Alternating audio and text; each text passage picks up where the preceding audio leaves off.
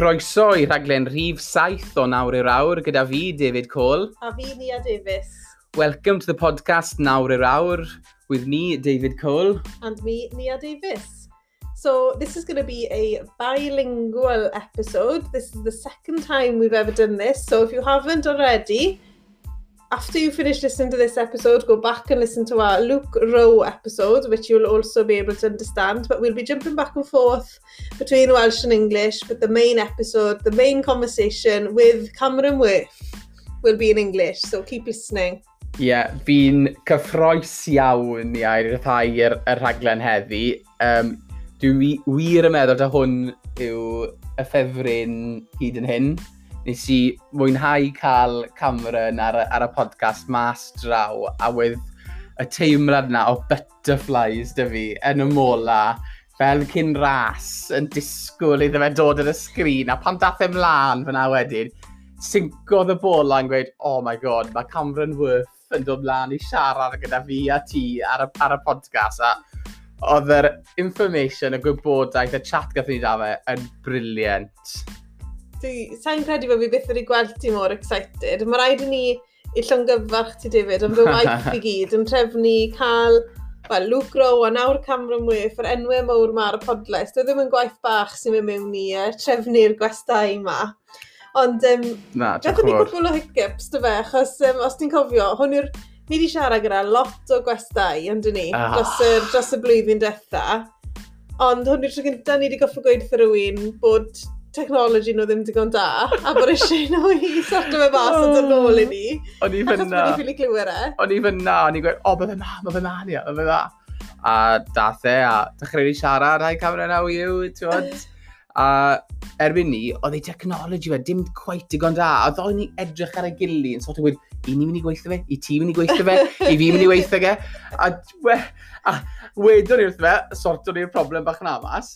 A wedyn, ar ôl ti a 5 munud, oedd e'n mynd yn briliant. Oedd e'n mynd, oh, mae hwnna wedi dechrau mor dda. Mae'n mynd rhoi cymaint o wybodaeth i ni. A bwff, gath e rhyw fath o power cut neu, a ddi fuse box yn neu rhywbeth, a cytodd e hoff o gwbl. O'n i'n fel, oedd e'n mynd i dod nôl? Very dramatic, yn oedd e. e, e oedd e'n briliant. Just, just a quick word in English, we've got, we've got Cameron Worth as our guest um, on, on today's podcast. I honestly can't tell you how excited I was to have Cameron on on on the podcast. I honestly think it's the best one we've had yet.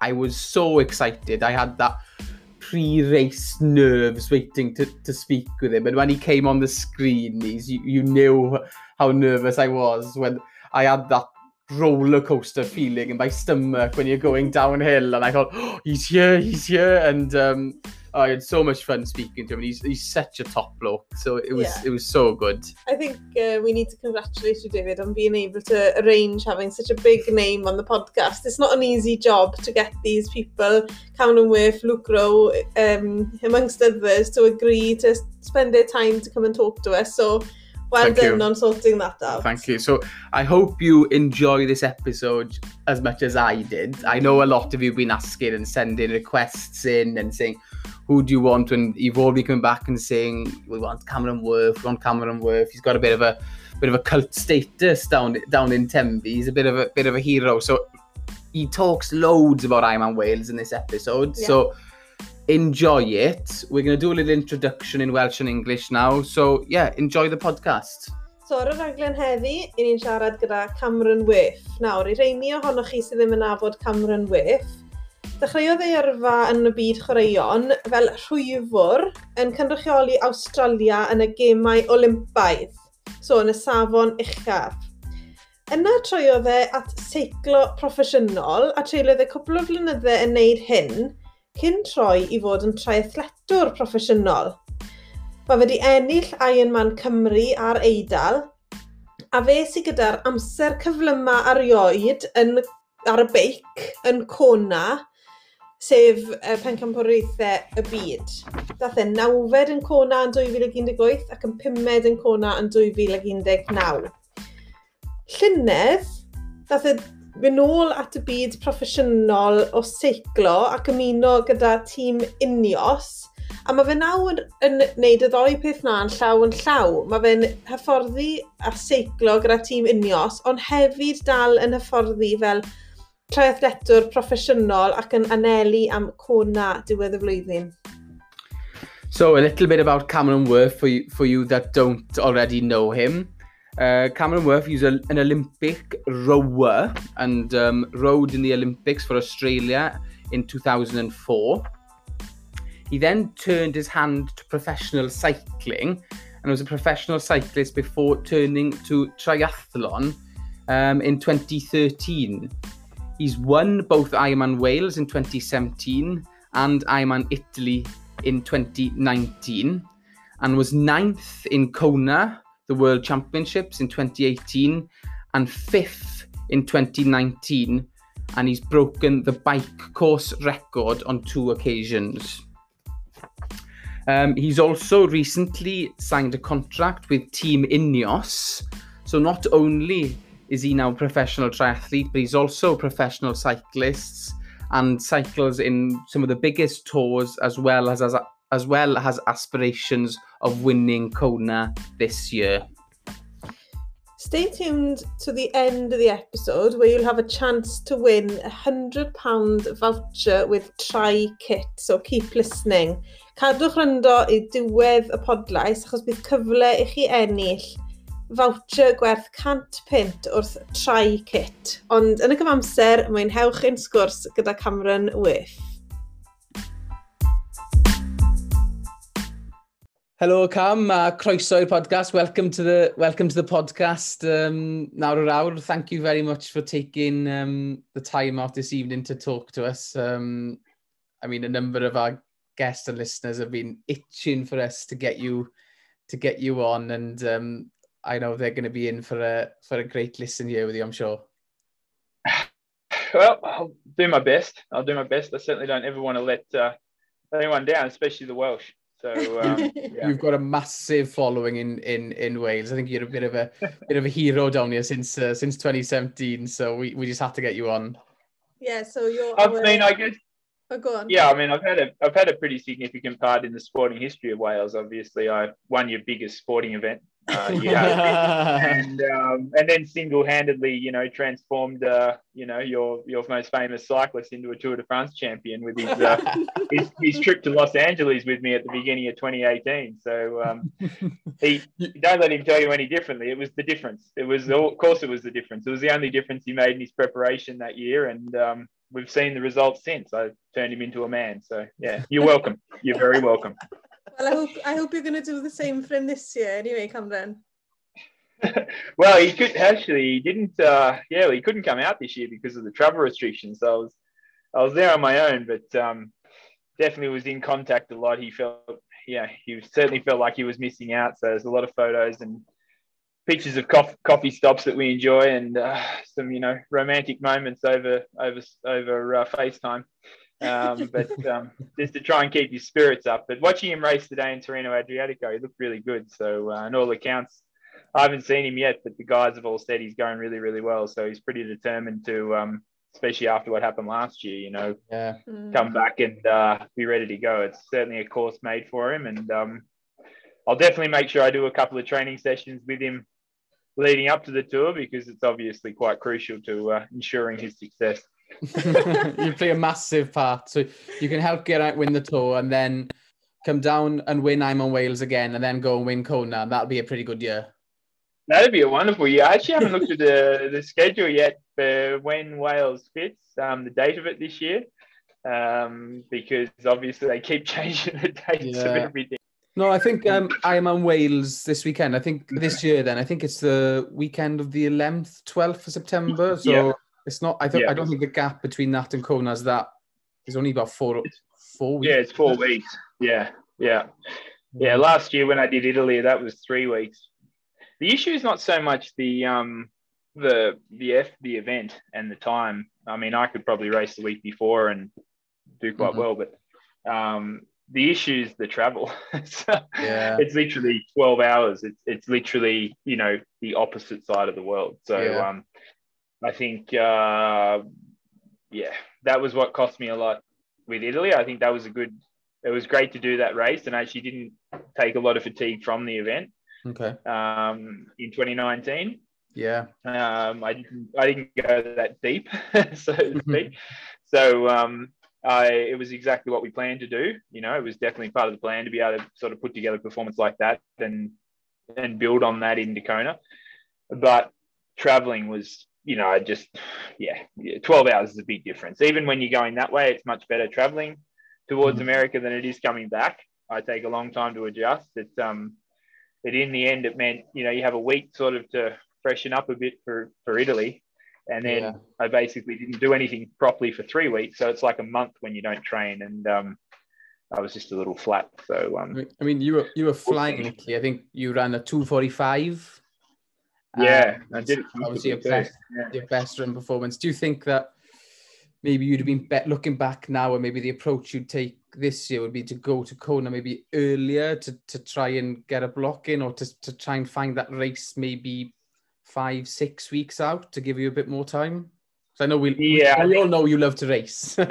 yeah, yeah no, I definitely, I definitely, that would probably be better. Um, you know, taking that extra couple of weeks and, or maybe even not at all. I mean, the, the big difference is now we have a lot more confidence in my training. You know, I mean, leading into Italy, obviously, we had a very good training block, which the plan was to continue that. And um, the travel was what sort of stuffed that up a bit, not so mm. much my my sort of fit fatigue.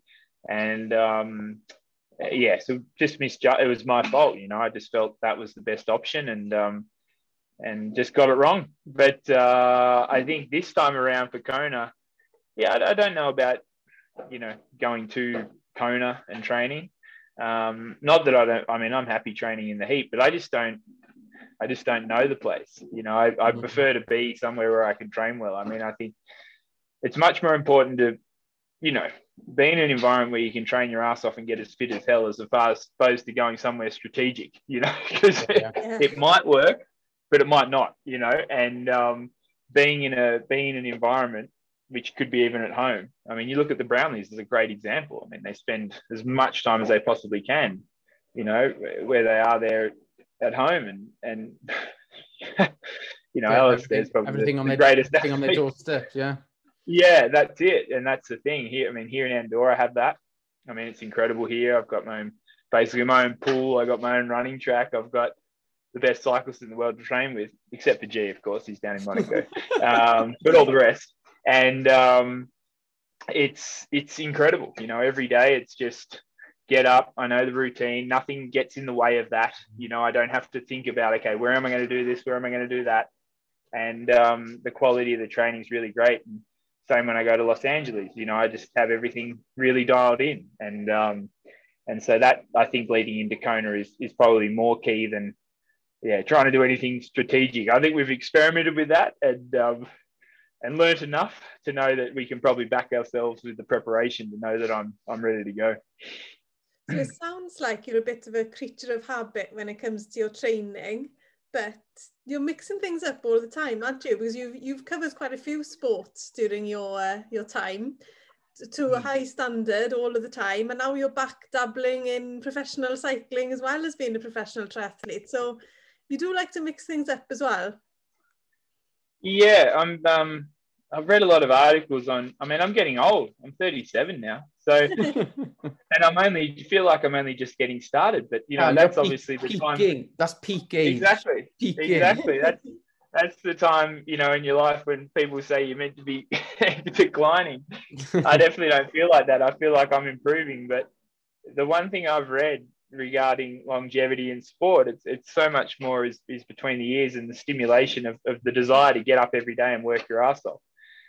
And when you've done something, you know, if say I kept rowing, you know, say I kept rowing from when I was, I started that when I was 13 and I was still doing it now, you know, what would that be? God, I'm so old, my maths isn't that good, but over 20 years, 24 years, um, I'm sure I'd be getting pretty sick of it. But the fact that I then jumped into cycling and then I tried to get away from that and then ended up back in sport and, you know, in Ironman and then all of a sudden ended up back in cycling. I mean, to me, every day is new, you know, it's exciting. I, mm. I'm constantly, doing new things and, and doing more and training harder and um, and who knows maybe I haven't even finished with my dabbling in different sports so yeah, it's what I guess keeps me. Uh, I don't like to use the word young. I'm not not one of these people that tries to say, you know, 40 is the new 30 or any of that crap. But uh, I definitely feel good. You know, I feel like every day. I mean, I know I'm improving all the time, and and uh, and I'm going to keep doing whatever it is that I think I need to. And I've got some incredibly smart people around me that, you know, um, sort of push me in that direction to to try new things. You know, and and that that is, you know, is what works for me. You know, I mean, I never grew up dreaming of being a cyclist or or a swimmer or a runner. I dreamed of being everything. You know, I had a motorbike. I thought I was going to race MotoGP. I'd go to the go karts. I thought I was going to drive Formula One. I'd go surfing, think I'd be Kelly Slater. I'd, you know, I'd, I'd follow Ironman. I thought I was going to be Greg Welch. You know, I watched the cycling and wished I was Miguel Indurain. I, I, soccer, I was going to be Maradona. I mean, I loved every sport and just dreamed of being an athlete and just dreamed of being able to do anything I wanted at the highest level. And um, yeah, I haven't probably had the success that I may, maybe could have had if I just focused on one sport a bit more. It's to come. Yeah. It's to come for sure. It's to come. I think. Yeah, um, but, but that's the thing. I mean, in in Ironman, I, I it's a sport I really that gets me out of bed in the morning, and and I've had some great success already, and I feel like I've got my best days ahead of me, and and also even in cycling, I feel like yeah, okay, last year was a bit of a kick in the butt getting back into it because the sport's moved on moved mm. on a lot in seven years as it should. and um, I came back and I've obviously trained, well, as I've mentioned, I, I was the one that obviously nurtured, you know, Geraint Thomas to his Tour de France victory. So I've had a massive impact on the sport. But um, doing something like that, you feel like, oh, yeah, I know the level. You know, I know where G's at, blah, blah, blah, blah. But it doesn't remind you what it's like in the peloton moving and avoiding crashes and the stress of being on the road and you having a suitcase to unpack every day and all those little bits and pieces. And it took it took you know the first part of the season to get back on top of that. And by the Vuelta I think was when I started to show you know I probably got back to where I used to be as far as level mm-hmm. goes. And I think now this year I certainly feel a lot better and I think I can you know start to maybe be a bit more you know contribute more in road cycling as well as ideally Ironman when uh, the races happen you know, or it's safe to race again. You know, you mentioned there obviously that you've you obviously signed with Team Ineos and um, your is triathlon still the number one goal, and then the cycling kind of comes beneath that. You know, if you is Kona still the ultimate priority and, and achieving success there, or are you saying, well, no, I'll keep my, I'm not putting all my eggs into one basket. What's what's your goals because you've got so many different things that you could potentially succeed yeah. at. Yeah, the the one thing I know and what I've learned from changing sports and getting into a new sport is you have to give out sport 100%. percent mm hmm You know, mm-hmm. if you dabble, you'll never get there. You'll never quite make it. You know, you'll always be just short. And so obviously it's uh, just use the word periodization. You know, it's like, okay, this part of the year we'll focus on the cycling. We're going to, if you're going to race the bike, race the bike. Because if you're sort of focusing on something, you know, like Kona, for example, which is still a number of months away, then you are going to risk sort of not doing what you could do to be more useful to the team. And at the moment, the most important thing when I'm part of the team is the team because there's 30, 30 right, 31 riders, you know, and plus a boatload of staff. Um, and it's the most, it's the number one team in the world. So I want to contribute as much as I possibly can to that. Come September, yeah, everything shifts to Kona. Yeah. Having said that, leading up to September, we need to, you know, keep ticking along. And there'll be periods in the year where the team won't need me, you know, where I you know, won't be a part of, a, of the race program for a number of weeks, like I haven't been at the start of the year. So we've done about three months now of quite intense running, quite intense swimming, you know, to to basically build that foundation to then, if I back off that now, which I will, as I focus more on the road racing or be available for the team when they need me and be the best I possibly can, we can afford to sort of more keep those things ticking over because obviously racing at the highest level and the higher level I can race at for the team. So there's one thing being in the peloton, but you'll notice there's there's groups everywhere. So mm. you can be at the front or you could be like an hour behind, and it's a very different type of effort, you know, to, to racing and sort of just surviving. Mm. So the higher level I can compete at, the better that's going to be for my physio- physiology. Yeah. And it's much better to focus on that than worry about trying to keep up with my running or swimming. You know, the benefit I'll get physiologically from racing at the highest level in the world tour is huge. You know, I mean, after the Vuelta, I got back into swimming and running and just felt amazing. You know, I could just hurt myself way more than I could, you know, 12 months ago, way more. You know, it just, I was almost fearless with, with what I could do in the pool and, and running. So we've learned now that, um, yeah, being able to race at the world tour level has a huge impact on uh, on me physiologically, and it's just maintaining those motor patterns of, of the swimming and running more so during those those periods where we're focusing on racing the bike, which is sort of you know April now through to September.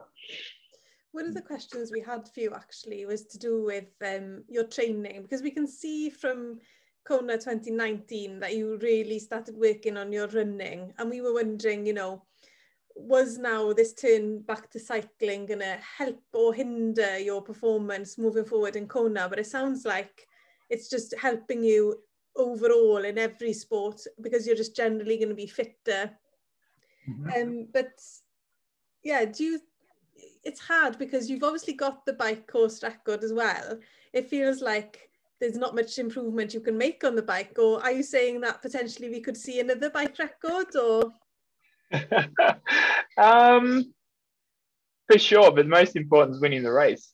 Yeah. I mean, there's no doubt. I guess, yeah. Well, I mean, I'm, I'm pretty transparent with what I do, so most people would be able to see where I'm at with my training, and and I and I love that. I mean, mm. you know, I was actually joking with one of my my first coaches in the sport back when I lived back in LA when I was just playing around with it, and he was sort of actually Pete Colson's his name. He runs Champion Factory Coaching back there in LA, and um, he's an Aussie, and um, we were we were joking about um, about a race that was meant to be on this weekend in LA that I won years ago, and it was like the Desert Triathlon in Palm Desert or something. And I said, so he said something like, you know, if you ever win Kona, at least you'll be able to say you started from the bottom. and that's been, I think, the most wonderful thing is is people have seen my entire you know progression. You know, yeah. I mean, I had terrible races at the start, and then I got a little bit better and 2017 was a classic example. I came out, I was just on the fringe of the top 10, and then I was yeah. 10 to 5, and then I was in the top five, and then second, and then Wales, I won, you know, and and yeah, yeah. and it, that's how it should be. You know, I mean, you meant to. And then the next year, it was more consistently podium. You know, top five was sort of bad, and obviously Kona a top 10. And then the year after, I, you know, it was hard to beat in anything other than Kona. And mm. so that's how how you know it, it, it, it should be. And I guess what I've noticed back to your question regarding, say, the running is we've been, you know, the, the fitness has meant that all that base work I did running, you know, two years ago now has actually just made me much more economical running. So I can actually run at that speed, those speeds much easier. And yeah. so now I'm moving that economical speed. You know, I mean, it used to be around a four minute pace, which was pretty normal because I ran a couple of 250 marathons. You know, this year in LA, they were down to, you know, those longer runs were 350s, you know, a significant difference. And, yeah. um, and so that's, you know, just that cardiovascular just strength um, that, that plays through, gen- basically keeping on top of the, the motor pad I did a couple of years ago running, you know, 400, 500K you know, months back to back to back to back. You know, now they're sort of done in, in blocks. Um, mm. But um, yeah, a significant change in, in speed um, thanks to the racing on the road, you know, and, and just being overall fitter, you know, opening up some different energy systems. You become very, with Ironman racing, this is what I learned racing on the road. It's so much, you become so much, you, it's very easy to think you're training really hard because you're doing so much. I mean, today I, I went with riding with Adam Yates. We did some time trial efforts, and I'd already been swimming before I got on the bike. and we took off for these efforts, and he said, "Well, you go in front because you'll be faster." And I'm thinking, "God, man, like I've been swimming." And then I thought, "Hard enough, yeah, drop this guy," you know. So off I went. I took off like a bat out of hell, and I, I didn't see him again. Um, we, but we just just kept our distance, you know. Obviously, we're just doing our thing, and and then afterwards, I was going running as well. Yeah. And previously, I would have sort of bugged out probably of one effort or felt like, I don't need to do quite as much because I'm doing this. Whereas now, you know, I'm like, okay, I'm going to train my ass off there like that, but then also do what I need to do on top. And I'm actually capable of doing it. And I couldn't do that two years ago. I'd always cut off an effort or cut off some volume and sort of add the run time to my overall volume I was meant to do on the bike. Whereas now I just do it all on top of each other. What do, the, what, what do the guys there in Ineos think then, Cam, when obviously, you know, when you're coming in to do the bike sessions with them, having swum beforehand, and then you're finishing, having done whatever session you've done that day, whether it's some TT efforts or a, you know, 80, 90, 100 mile long day in the cellar. Yeah. Then you're saying, well, I'm going to refuel and then I'm going to go out and I got a 10, 12 mile run to do or, or, whatever it is that day. What do they, what do they, what is the general concept? How do they feel and approach yeah. about that, you know? They all end up doing extra. And um, I think that's why Tim Kerrison loves having me around. I mean, with mm-hmm. G, that first year in LA, I mean, we we certainly had a fair bit of time together in 2017. You know, crashed out of the tour and I was training in Nice. That was leading up to Wales. He was one of the big reasons I even did the race because he kept telling me I should do it. And um, obviously, after qualifying for Kona, I thought, no, I'll focus on that. And he's like, no, go to Wales. So I did. I'm glad I did. Yeah. But um, once we got to LA and it was just him and I, he obviously got more of an idea of what my day looks like. So all of a sudden, he started, you know, when he knew I was going home running, instead of just doing the five hour ride, he'd do six. And you know, volume. And even and just as an example, yesterday I went with Tom Pidcock, and we mm. went down and he was we did a loop down in Spain and then headed back up, and he was going to ride up, you know, the valley to home, and the swimming pool sort of off to the left. And you know, he said, "Oh, what are you up to?" I said, "I'm going swimming." He said, "Oh, okay, I'll I'll, I'll come with you then." And he went the long way home, you know, up and over another climb, you know, because he knew I was. I'm sure it's because he knew I was going swimming. So um, I think that's a big reason why I'm around the team as well. I mean, I feel like um, you know Pavel Sivakov's the guy I spent quite a bit of time with. Obviously, Tao's here as well. Spent quite a Tim Kerrison coaches him as well, and trained with him in the last couple of years quite a bit. And um, yeah, not that I'm trying to prove anything to them or or anything, but I think just you know they've they're very interested in what I do. They make me mm-hmm. feel great about myself. They they really are knowledgeable. They all Adam Yates today was telling me about how much he loves running. You know, he really wants to run a 15 minute 5K. Um, I, like, I, saw I saw Tom Tom was saying the other day that he was well, he's claiming to run a what was he a sub sub 15 5K already? No, it was sub 14 minutes. Sub yeah, 14. I mean people are giving him a hard time about his watch, but he he said that was just what my watch said. I mean, even if his watch was wrong, it wasn't that wrong. He's quick. That guy's yeah. got some wheels. So, um, you know, they they very they understand exactly sort of what I'm doing. But fortunately, that he and Adam both can't swim. They sink. so that's. Can I know how hard it is. I know how hard it is to learn to swim. It's like the hardest thing. So I'm going to keep pushing that back because the older you get, the harder it is to learn, just to make sure that they don't start practicing until I stop. And um, but uh, yeah, no, it's it's definitely a case of we we really work together, and um, I think that yeah, I, I, I honestly feel that I help them do a little bit more than they would expect, but um, they definitely have had a huge impact on my yeah my career in, in the sport because uh, I feel really accountable and I and I kind of feel like I've got to practice what I preach a lot of the time talking about how much I do and everything else. you don't want to go to the race and suck or you look like a bit of a honk. So, yeah. you mentioned there that uh, in the lead up to Ironman Wales, because let's be honest, that's what all our listeners want to hear about is when you won Ironman Wales. I think that's why you're so popular um, with our listeners is they just look back in awe on that year. It was such a rough year. It was horrible weather and you dominated well, the whole race, but especially that bike. But you mentioned there that um, you were training with Geraint in Nice in the lead up. Did he give you any tips about what it was like to cycle in Wales or? Um, yeah, I mean, fortunately, he'd ridden in this bike in Australia and experienced our dead roads. He just said, yeah, it's like that, but also there's, you know, don't bother getting comfortable because you're going to have to turn a corner and another couple of meters and go up some wall and then around some corner and then the wind's going to change direction on you. He said basically expect expect the unexpected. Just um, but he said as you go on, you know, because of your background, you're just going to feel better and better. So don't try and be a hero at the start. Just back yourself for that. You know, the bike leg takes almost well compared to the way I've ridden in other races, an hour longer than yeah. a lot of races. So, you know, I think I did most of my damage in that final hour. You know, I didn't I didn't try and be a hero. I just sort of kept my pace, you know, steady. And, and I think it was that last hour where I really pulled away from everyone. Um, but what really struck me most was um, we spoke a lot about the weather, obviously, how terrible it can be. So I really planned that part. You know, I planned a jer- extra jersey. You know, I had a rain cape. You know, I had gloves and things in my in my bag. I mean, I checked the weather closer to the date, obviously, to assess my proper wardrobe. Yeah. But um, what shocked the hell out of me, I mean, we, we got out of the water. I actually swam really well that day. I swam with Harry Wiltshire. I was in the front. It was one of the best swims I've ever had. Wetsuits, I'm, I'm quite a good swimmer.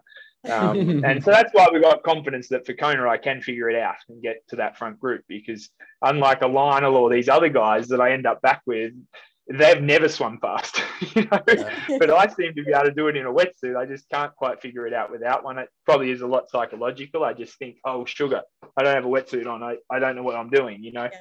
So I've got to get over that. But I had everything planned. So I had a, a jersey, you know, and I and so we got to transition. Everyone's stressing out because I'm there, and uh, I just sat down and relaxed and put on my jersey. I had a had a vest in my pocket, and um, and gloves, and I thought it's not that cold, so I turfed them. But as I got on the bike and started going, and I'm going past these guys, they're all like shivering, like shivering like crazy. And I looked at them, and they're all in tri suits, and I was thinking, guys, I I'm pretty confident that I'm going probably, you know, just as hard as you, and mm. I've done this sport for. It's like eight degrees and it's raining. Like you're in a tri suit. What? I remember I did it myself that year, and it was absolutely horrendous. You know, but oh. do, you think, do you think it's your cycling background and obviously cycling in various tours and yeah, one day events and all that that made you think, well, I'm gonna have to put it. I'm gonna have to, you know. Put a coat to on. Me it was That's what I would do if I was in a tour or whatever. Exactly. To me, it was logical. A cut an extra layer. I had the I had the little rain cape in my back pocket, which in the end, I didn't need. I mean, it was sort of drizzly at the start. It wasn't too bad. It got sort of bad a bit later on. Well, not even bad, but a little bit more rain. But by then, I was warmed up and racing, you know, and I was in the lead and the adrenaline, and I felt good. So it was only the last hour or so. So I ended up actually throwing that at one of the aid stations and, and didn't need it because I knew it was not aero. not that not that aerodynamics is a big thing on that course, but but um, but yeah, that was just one really simple thing that I think made a huge difference that day. I mean, there's no doubt I wasn't the best guy in the field, but you know, I think that was made the biggest difference without a doubt. Just just having that experience of cycling in all, all conditions and and being warm, you know. Yeah. I mean, you know, you're not doing the whole thing at threshold. You're not that hot, you know. You you're actually you got to look after yourself on the bike and, and make sure you can then run. And um, and then once I got on that run, wow, I mean, that was that was brutal. It was nice I had a bit of a buffer, and um, I actually, um, yeah, I was feeling a bit uncomfortable. The bowels were moving, I guess, because I'd eaten quite a bit, knowing it was going to be a long day, and uh, I'd had quite a bit of coke on the run, so everything was moving. I got to the last lap, and I, I said to the guy following me, the bike guy, I was like, "What's the gap?" And I, I, I said, um, he said to me, "Oh, you're all right. You look a bit uncomfortable. Hold, hang in there." I said, "Mate, I really got to go badly." And um, he said, "Well, you've got four minutes. I think you got time." So I was like, "Okay." So I prepared myself, unzipped, you know, without getting in trouble. You know, had everything sort of ready to go. Ran into the Portaloo. That was about that was on the last lap with about six k to go. And um, yeah, had a brief moment where I just relaxed and yeah, and then I thought, oh shit, I'm racing. get organized here. I gotta win this. Starting myself up, yeah. Put my suit back on, got back out, started running, and he said to me, oh, you look much better. so I was like, great, off we went. And um, but the best thing was my she was my girlfriend at the time, but now she's my wife. And um, and she was we stayed at a little um uh, a little pub, I guess, a little white this white building. I can't remember the name, but it was just across the road from the swim course. It was on the run course. Mm-hmm. And um, anyway, they were lovely people. And every I ran past it every lap and, and she gave me the splits. I actually ran past it twice. It was sort of the beach there and you sort of came down and then you went left along the beach and then back. So I kind of went Yeah, past we know, it we know exactly where you are, yeah. Yeah. And anyway, the first two laps, it's, I mean, it's a cold day and we'd been in Europe, you know, all summer. And we hadn't seen weather like that. So we had nothing warm. You know, I, I rocked up that morning to transition. I had my board shorts on and I had compression socks. The first time I've ever worn them in my life up to my knees just to try and keep warm. And anyway, Fallon, she's watching the race and I saw her there the first couple of laps and she's sort of shivering. And then the next lap I ran past and she's got a pair of grey track pants on. And I was thinking, where'd she get those slacks from? Like, anyway, ran past there. She is in these grey slacks. And then at the end of the race, she gave them to me. And I said, where the hell did you get these? She said, oh, I knew it was cold. So I went and bought some, but I got them in your size so you can put them on after the race. And I was like, got to marry this bird. got to marry this bird. Oh. Yeah, I just I'm- remember I'm- the I'm- grey trackies. And I've I'm still got them. looking at Nia could get to, she can uh, look at uh, some tips for the future of there, I'm sure. I do a different round after you as it is. Is it? Do you think it's the hard, one of the hardest ones you've done? Then Cam, Ironman Wales. Is it up there? Because obviously it's got a bit of a reputation for being one of the hardest Ironmans on the Yeah. circuit. Yeah, it, you know, it's it's funny because definitely the most interesting. I mean, it's fascinating. I mean, that the national anthem playing on the beach and that swim, and then the run to the transition, and then obviously the bike course, you know, and and and then the run. But you know, the, it gets to a point where it's sort of so hard. You kind of have to look after yourself a lot more. You Mm. know, I mean. Something that's quite fast is sometimes more painful because you're on it all the time. You know, at least there you might I might have smacked over a few hills, but with my experience from racing on the road, I know how to carry speed and recover. Yeah. You know, I kind of I kind of treat every um, bike leg. It's kind of like chasing the breakaway, and I always have a bit of an idea of, uh, of the average speed because I always look at the course records. I figure, okay, I'm, I should be around that at least, you know, because I always am. Um, and so I have an idea of that, and, and I sort of try and ride as if I'm chasing the breakaway to maintain that average speed. And um, and in Wales, a course like that is actually a lot easier because you've got a lot of rollers and things to work with. When you've got a dead flat course, it's sort of much harder because there's nothing to break it up Yeah. except corners, and then that's harder because you slow down, you've got to accelerate. So, and then the same with the run. You know, I mean, I think now that I'm a much better runner, I would I would I'd really enjoy it. It'd be a great preparation race if, it was if it was a few weeks earlier before Yeah. Kona. I think I'd definitely do it because as far as training goes, it'd be an incredibly great training day because you just can't go those high speeds and actually really hurt yourself. Mm. If that makes any sense. I mean, I know you're out there longer, but yeah, you you you, you hurt you for example, you hurt yourself a lot more doing 1k at three minute pace than what you do at four minute pace, you Yeah. know? So you know, if you're just sort of grinding away and you know the hills and then taking it easy down and so forth, it's um as far as damage to the body, I don't I, I think it's actually a, a great event. You know, there's other events I would find much more damaging later on than uh, than that. So I think it's, it's interesting because obviously when you're doing races that are flat courses and obviously you're trying to maintain the certain watts and you you know throughout the whole Mm. throughout the whole day, so you're gonna maybe Yeah. really feel the lactic in your legs where you are when a rolling course like that. You're going, you're pushing, then you're having a bit of a recovery, and obviously with your bike Yeah. experience, really plays into your hands, you know. yeah, you know where to recover, you know where to push harder, and it's a bit more of a game. It's a bit more interesting, you know. I mean, obviously, a lot of fatigue.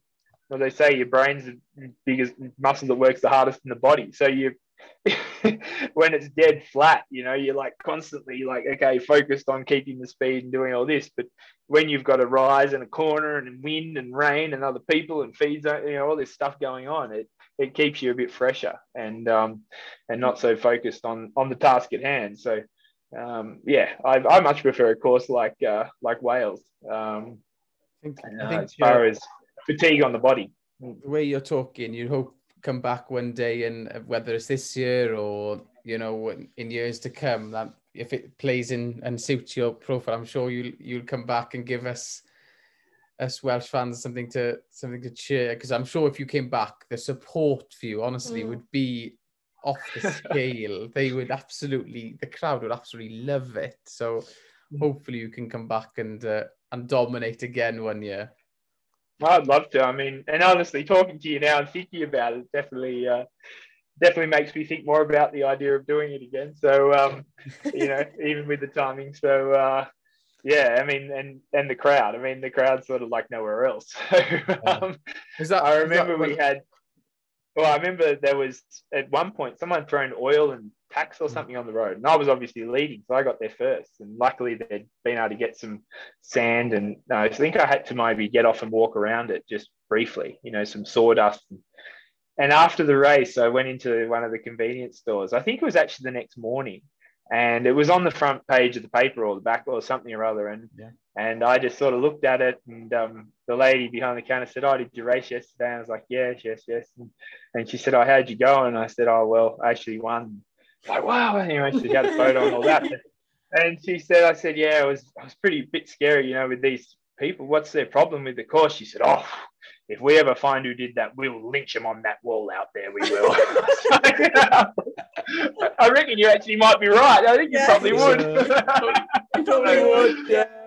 Yeah. So that was good to hear that the support for the race was that wasn't speaking for the majority. That the, the town really loved that event, and um, it was it was great to be a part of it.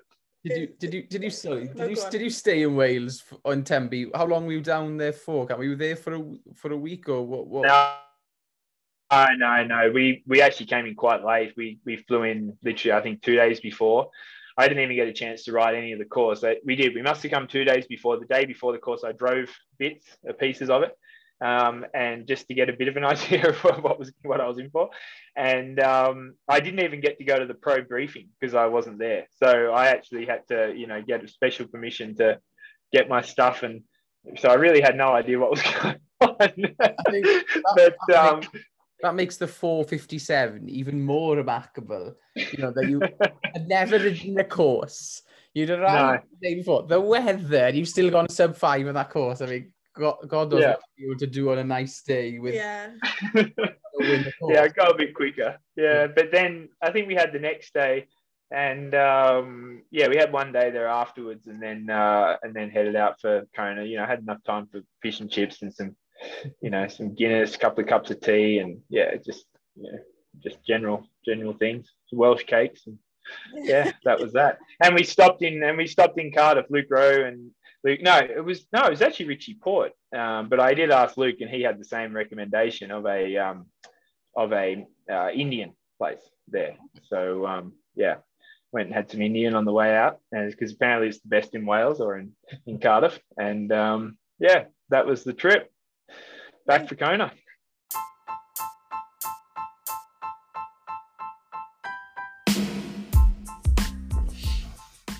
Noddwyd rhaglen heddiw gan Caffi Griff. Busnes Griffith Lewis yw Caffi Griff. Mae Griffith yn seiclwr proffesiynol i dîm Rybl ac aethom gyfle i siarad â Griffith ar y podlais nôl yn fus tachwedd. Felly ewch yn ôl i wrando ar y rhaglen na os nad ydych wedi yn barod. Ceolwyd caffi griff yn Halabont ger Aberystwyth, ond nid dim ond caffi ydyw. Mae hefyd yn siop feics a nwyddau seiclo, ac mae'n gwerthu nwyddau gan frandiau fel BMC, Agon ac Wahoo. Mae hefyd yn rhan o'r sgîm seiclo i'r gwaith. Gallwch prynu beiciau lôn, sportif neu time trial yma. Mae gan Caffi Griff hefyd tîm seiclo, felly newch yn siŵr i'w ddilyn ar Instagram i weld beth sy'n mlaen ar tîm. Am rhagor o wybodaeth, ymwelwch â'i gwefan caffigriff.cc.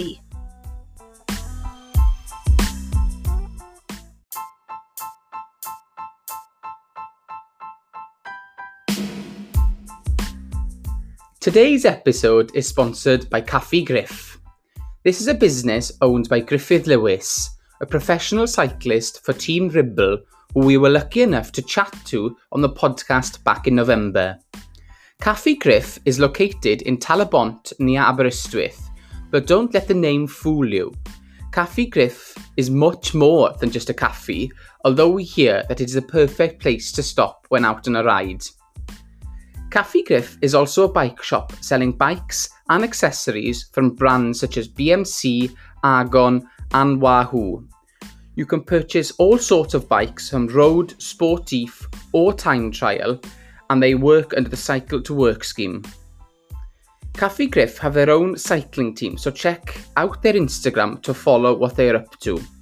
For more information, visit the website caffigriff.cc and follow on social media. So hmm. back to Kona. So obviously in 2017, then you got a bike course record, ended up 17th. Then you went the next year, 9th, 5th in 2019. Last year was obviously cancelled. Fingers crossed mm-hmm. we'll be there this year. Are we looking yeah. to improve on the fifth place? I suppose that's always the goal. yeah, everyone asks about you know how disappointing it was. You know, with you on this progression, and then they pull one out. I said, nah, I, I probably would have been on the podium this year, but next year I'll win. So yeah. I just missed my podium year. you, have been third in 2020, and then you're gonna you're gonna win it now. Uh, I just finished 21. Yeah, so so if I win, I'll just claim third from last year, even though we didn't have the race. just oh. that's how the scale goes.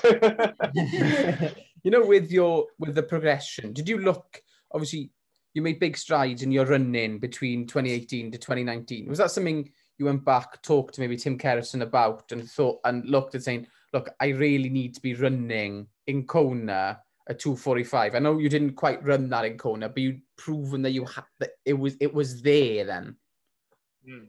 Yeah, so um, it was actually after uh, 2017. Um, I was actually at Red Bull in Santa Monica, and um, we're talking to them. They've, they've been talking to me about becoming a Red Bull athlete for a few years now. Just different stumbling blocks just uh, hasn't really made it happen. But I got a great relationship with them. I mean, I obviously made sure Chris Froome was looked after there this year for his rehab and and so everything else. But one thing they did do was we talked about the running and and um, they knew the, the guys at Nike that uh, that look after Kipchoge and that that squad and and so they just called them and um, we all had a little, little bit of a chat and they said look we'd love to help do anything we can for you you know um, made an agreement that I wouldn't sign a deal with any other brand, and you know, and, and I've been working with the highest, you know, level of human performance at Nike. So um, since then, now step from 17 to 18 i mean if you talk to them about Eliud they talk about the fact that he never pushes the envelope. You know it's like not getting injured being able to train every day is much more important than trying to be a hero and getting injured. And then and if you look at his record okay you know it came to a bit of an end in London where he pulled out for the first time, but he was basically unbeaten for a number of years. And they said in the marathon, it's it's unheard of, but it's because he never goes over that edge. You know, he always he appreciates he respects running and he respects the fact that it takes time to build and the increments as you get better are smaller and smaller. So they said to me, this is going to take a few years. You know, we have to first develop your some sort of running style. Mm-hmm. And that was sort of 2018, you know, so it was slowly building the volume from basically sort of non existent to, you know, 50K, you know, sometimes 80K, you know, being able to do a long run and, and be able to get up the next day and train. And then obviously 2019, it's like, okay, 2018, you've developed some sort of stamina on your legs. Now we can probably look at actually giving you a running specific program and, and aiming for that 100K sort of mark. And for the first few months of 2019, I barely rode my bike. I mean, I had my camp with G where I rode a lot in LA, but then as soon as I got to Europe, you know, uh, February, March, even into April, I barely rode my bike. I, I was so exhausted from running 100, 120k a week. Like, you know, I couldn't, I couldn't really get on my bike or swim or do anything. Um, but you needed to, I needed to commit like that to make that step change. But without some sort of base and volume, we couldn't do that part. And then as the year went on, we put more swimming back in and then put more running back in. And then obviously that sort of last six to eight weeks leading into Italy was when I finally was able to at least say I was doing what I would call training on the bike again. You know, it wasn't so it wasn't really until July, August that I was actually able to really train on the bike and maintain that running. Um, and then, so if you then move forward into 19, obviously just continued that, you know, maintain that level of running, which we feel is enough.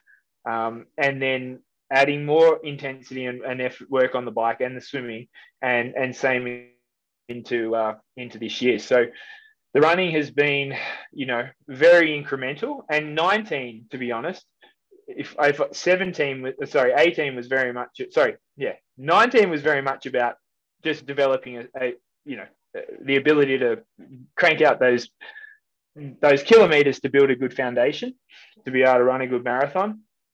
And then 20 became about learning how to change speed and do different things. So actually last year during lockdown and whatever i actually did a lot of you know running in hills and because it actually just makes you hold your body differently. I mean we talked about if you go to Kona this year and there's a big headwind on the Queen K, you might be only running 430s or 420s, but going flat out, and that changes your body position. So you need to learn to run mm. all through the gears because you just never know, you know, when you're going to have to run that pace. But you're actually working very hard to do it, you know, with different climatic conditions. So last year we were able to actually start working on those little fine points uh, on top of, you know, the volume we developed from 19, and now into I guess 2020.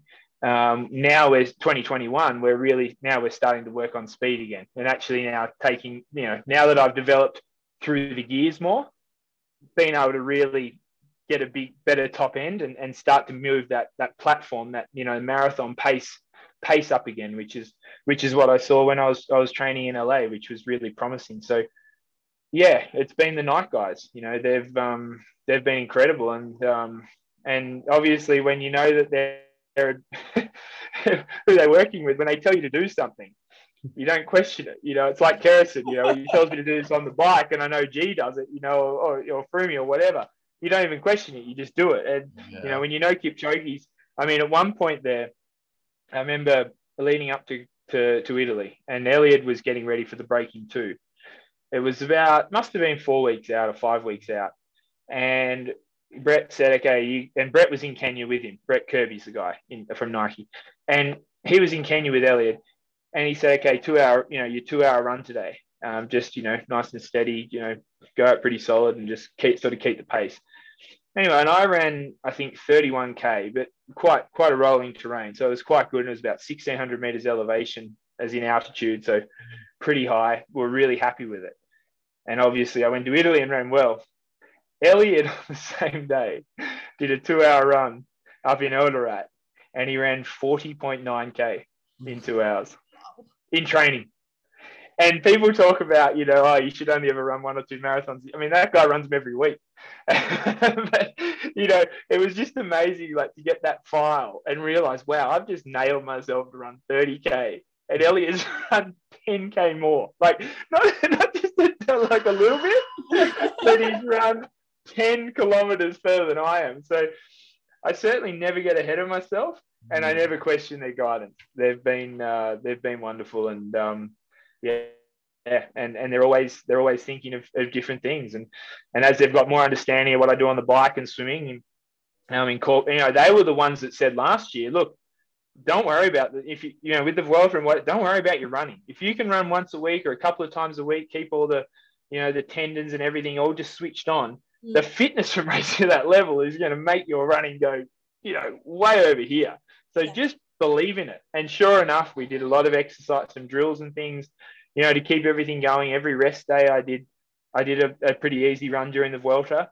I came out of it, and I've just never felt better running since. So um, yeah, they're, they're really they've really got their head around everything, and uh, and I mean the team of people I work with, I mean I, there's there's no one I wish I did work with, for example. You know, I feel like I've got the best possible advice in everything. That be my next question because you're running with the best in the world. You're cycling with the best in the world. So, what's happening with your swimming? Who are you training with? Who do you want to train with?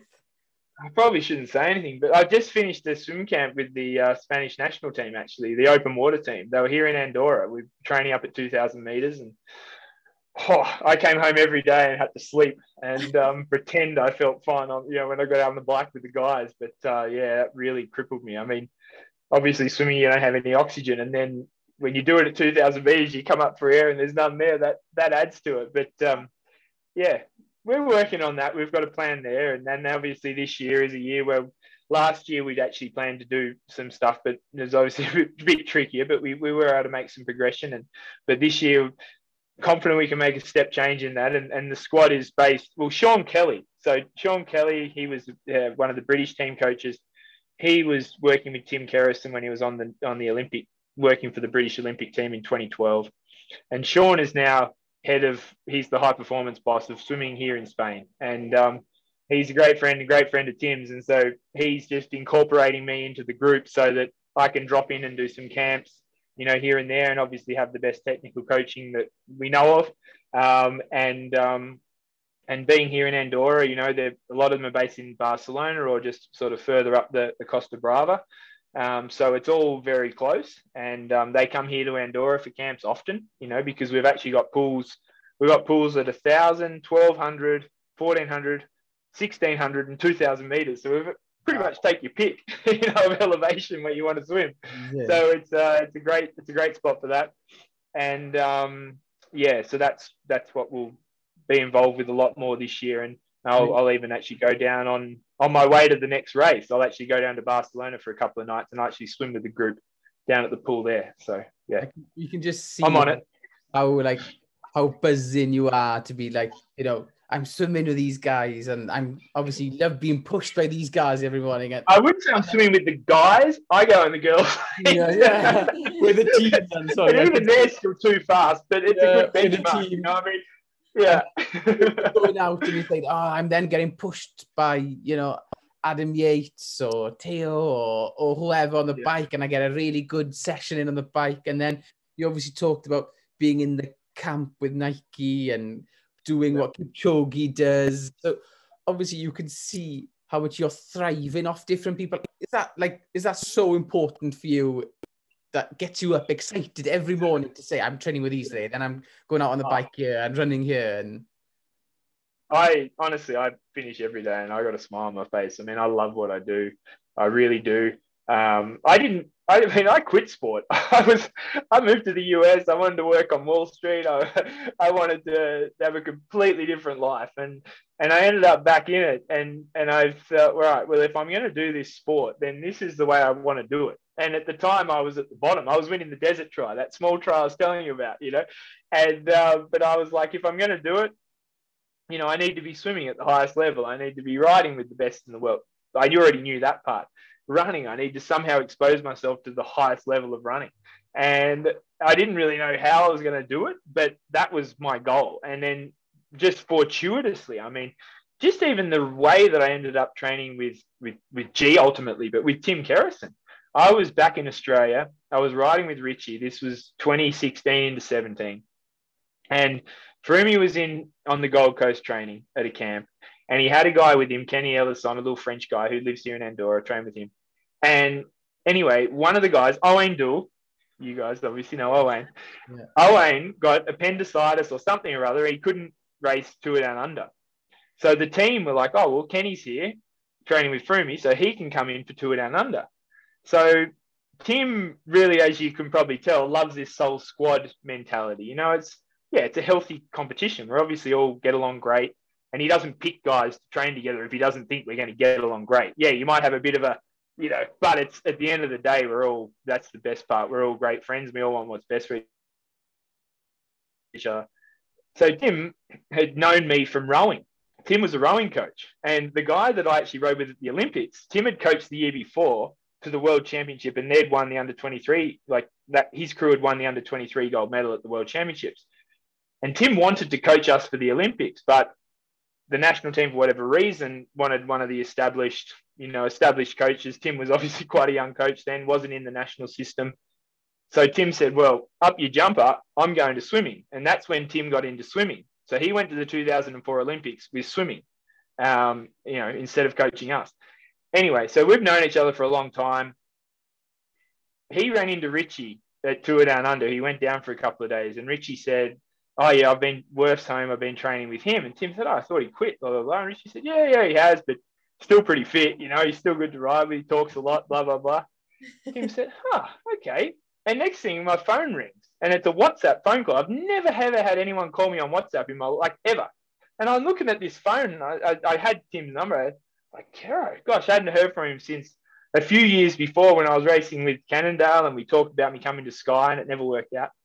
And I answered the phone and Tim said, Oh, look, you know, this has happened, blah, blah, blah. Could you come up with Chris? And I was like, oh, wow, this could be like my final hurrah in sport. What an opportunity to go and train with Chris Froome. And I said, yeah, I've got something on tomorrow and the next day. I'll come up on the weekend. And I got off the phone and Fallon's there. And uh, she said, who was that? And I told her the story. And she said, you ring him back and you tell him you'll be on the plane in the morning. I rang him back, got on the plane the next morning, and I went up and trained with Chris. And I, I didn't take a power meter purposefully, and I didn't take a heart rate strap purposefully. And I just said to Tim, look, I'll just do an Ironman style. I'll sit 12 meters behind Froomey and just hang on for as long as I can. I don't know what I'm doing. I'm just going to follow him. Anyway, in 10 days, doing everything, we, he couldn't drop me. And on the last day, we even did a two man team time trial um, a 20 minute team time trial. I remember getting halfway through and we were doing 30 second turns and Froomey said, that's two minute turns. And I knew that meant I need a little bit of a break because the intensity of the changes are a bit much. And I was like, oh, maybe I've still got a bit under the hood. And um, at the end of that, at the end of that camp, Tim just said that. He said, listen, what do you want to do? Yeah. I mean, you, you can't quit sport. I mean, you do you want to come back to cycling? And I said, well, you know what? I did a couple of triathlons uh, in my time in LA the last couple of years, and I really enjoyed them. You know, and he said, I think you could be quite good at that, especially you know, especially Ironman because it rewards training. You obviously love training, and that was how it started. They just said, listen, we'll indirectly help you as much as we can. That was 2017, and as the year went on, I got more and more support from the team, and obviously then Pinarello, you know, etc. And um, and then qualified for Kona. That was the big goal, was qualifying. So we could get to Kona and get a bit of a benchmark. He said the first year with Wiggo, you know, it was he bombed out of the tour, but they learnt so much from it, which was what, you know, helped them later on with regard to all their success. And so that was just the key. I was able to do that. So then obviously integrated more and more in 2018. You know, G came to LA with me, etc., etc. Um, you know, all the partners now are all my personal sponsors. 19 the same. And then obviously 2020, it was like, well, we've got a roster spot. How about you come back onto the road? Um, so, you know, the fact that I even ended up back in sport was thanks to Owain Doull. I mean, if he didn't get appendicitis, if he didn't get appendicitis or whatever the hell, I can't remember what it was, but he was in hospital. I was I was done. You know, I I got a job in finance in LA. I was wrapped about going back and getting into that after the little Christmas holiday, and um, I wasn't doing sport anymore. And uh, Owain ruined that for me. And um, and here we are. So you know, the fact is, I didn't I didn't need to be back here. That's And a so when. When story. the opportunity arose to came back, it's like, well, if you're going to do it, do it properly. You know, set the bar here. You know, if you want that, make that happen. Get that. You know, and I guess that's been the big difference. I've been able to slowly but surely put all these pieces together, and um, and now, honestly, I love every single second of what I do. I mean, I wake up every day and I bloody pinch myself. I mean, you know, Adam lives just up the road, and you know, meet him for you know a ride at eleven, so I've got time to swim first. I mean you know, rides back with me to the gym, my gym, so I can get on my treadmill. I mean, that's just living the dream. mind-boggling. Yeah. Oh, it, it, I love it. I, I really do. And and but the biggest thing is being part of the team and being around these guys and them making me feel like you know you're a good athlete, man. They don't talk to me like, oh, you know, oh yeah, you can tag along. They they really treat me with respect, even G Yeah. even G. And um, that makes me go to the race and not go there saying, you know, I'm going to kick it, but believing in myself, you know, believing that I belong here, believing that I belong to be at the front. I I've I've done the work to be at the front. I remember Froomey, the best advice he ever gave me. In between, I did the Ironman in uh, in Zurich in 2017, and he just won the tour, and I came seventh or something. I, I didn't go that well. I went okay. It was, it was okay, but nothing great. And I was still I needed to come second in uh, in Sweden to qualify for Kona. And Froomey called after the tour, just say, "Oh, what are you up to?" Blah blah blah. He said, "I'm going to," and he said, "I'm off to Chatel for a training camp. Would you like to come?" And I was like, "Why not?" You know, I mean, it looks like the Kona dream's probably over, but I've got three weeks. Why not? I'll go and train with Froomey for three weeks, and we'll see what happens. Yeah. Anyway, another great camp. Tim was obviously there. It was it was my Fallon, his wife, his his ch- ch- one child he had then. Um, you know, great little camp, and and at the end of it all, this is now a few days before before Sweden. He's going off to the Vuelta. He said to me, "Listen, mate, you don't need to do anything more than you're capable of. That's mm. all you got to do. And I remember just being so calm on that start line, thinking, you know what, I've just got to just do what I've done every day. You know, I, I just got to commit to this thing. I got to ride well. I got to run well. I got to not give up, and it's going to be fine. And that race just sort of went like clockwork. You know, I got a good lead on the bike. Actually, ran pretty close to three hours. And um, next thing, I come second, and I'm off to Kona. And then the coolest thing was that afternoon, you know, was um, oh, then I went to Wales. So that was the day that the Vuelta started. So he started the Vuelta. And then I'm at Wales. And on the same day, obviously the Sunday, he's finishing the Vuelta. I got back to my phone, a WhatsApp message from Tim Kerrison with, with Froomey there in the red jersey, riding into Madrid with his boat of champagne saying, cheers, you know, well done, mate, for winning Wales. And I was like, wow, you know, how cool, how cool is it to be in this position right now? You know, I mean, just having guys like that, you know, genuinely make me feel like whether they believe in me or not, they make me feel like they believe in me. Has given me so much belief in myself, and people like Tim Kerrison and the entire organisation. You know, in, uh, you know, obviously it was team the, the Ineos Grenadiers now. The entire organisation, it's still all the same people. They've all been there the whole time. They just made me believe in myself, and um, yeah, I just love it. Fantastic. I just love it. Fantastic.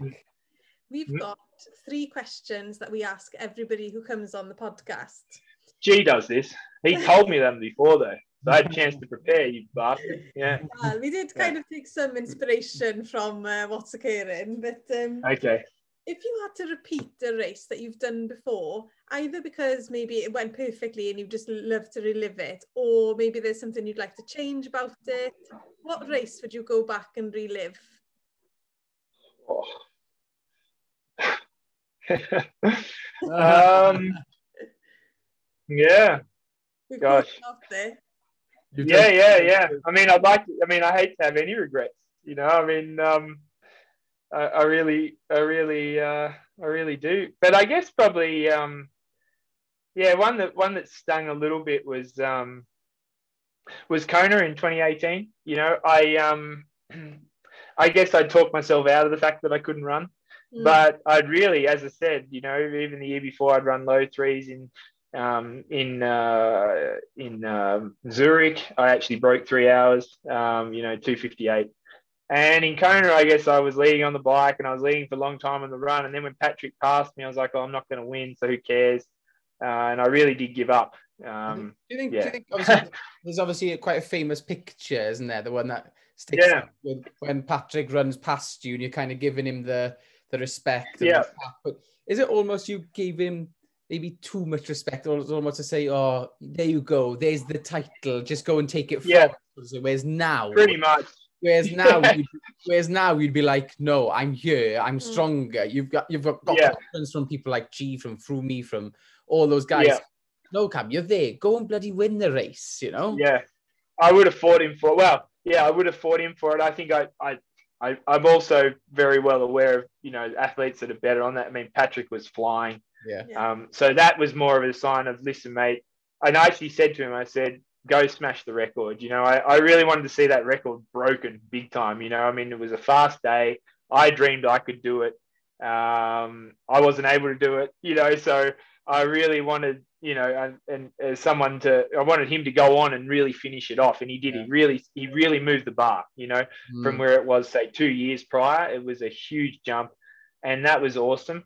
But it was the fact that I didn't fight the guys behind him, and it wasn't until a few miles or a few k, basically just coming up before you drop down Palani for the last time, that I actually dropped down to 10th. And I didn't sort of realize I hadn't counted. And I said to someone, I said, What am I, where's my position? And they said, Oh, you're 10th. And I was like, Oh, that's ter- that's pathetic, mate. And Gomez was in front of me. And I remember jogging up to him and he tried to accelerate and I just sprinted past him. And apparently, about 100 meters later, he started walking. He was just demoralized and uh, and ended up ninth. And but it reminded, it just showed that I had given up. You know, I had plenty in the tank, yeah. and um, and that was probably a year where, yeah, yeah, I, I yeah, I just.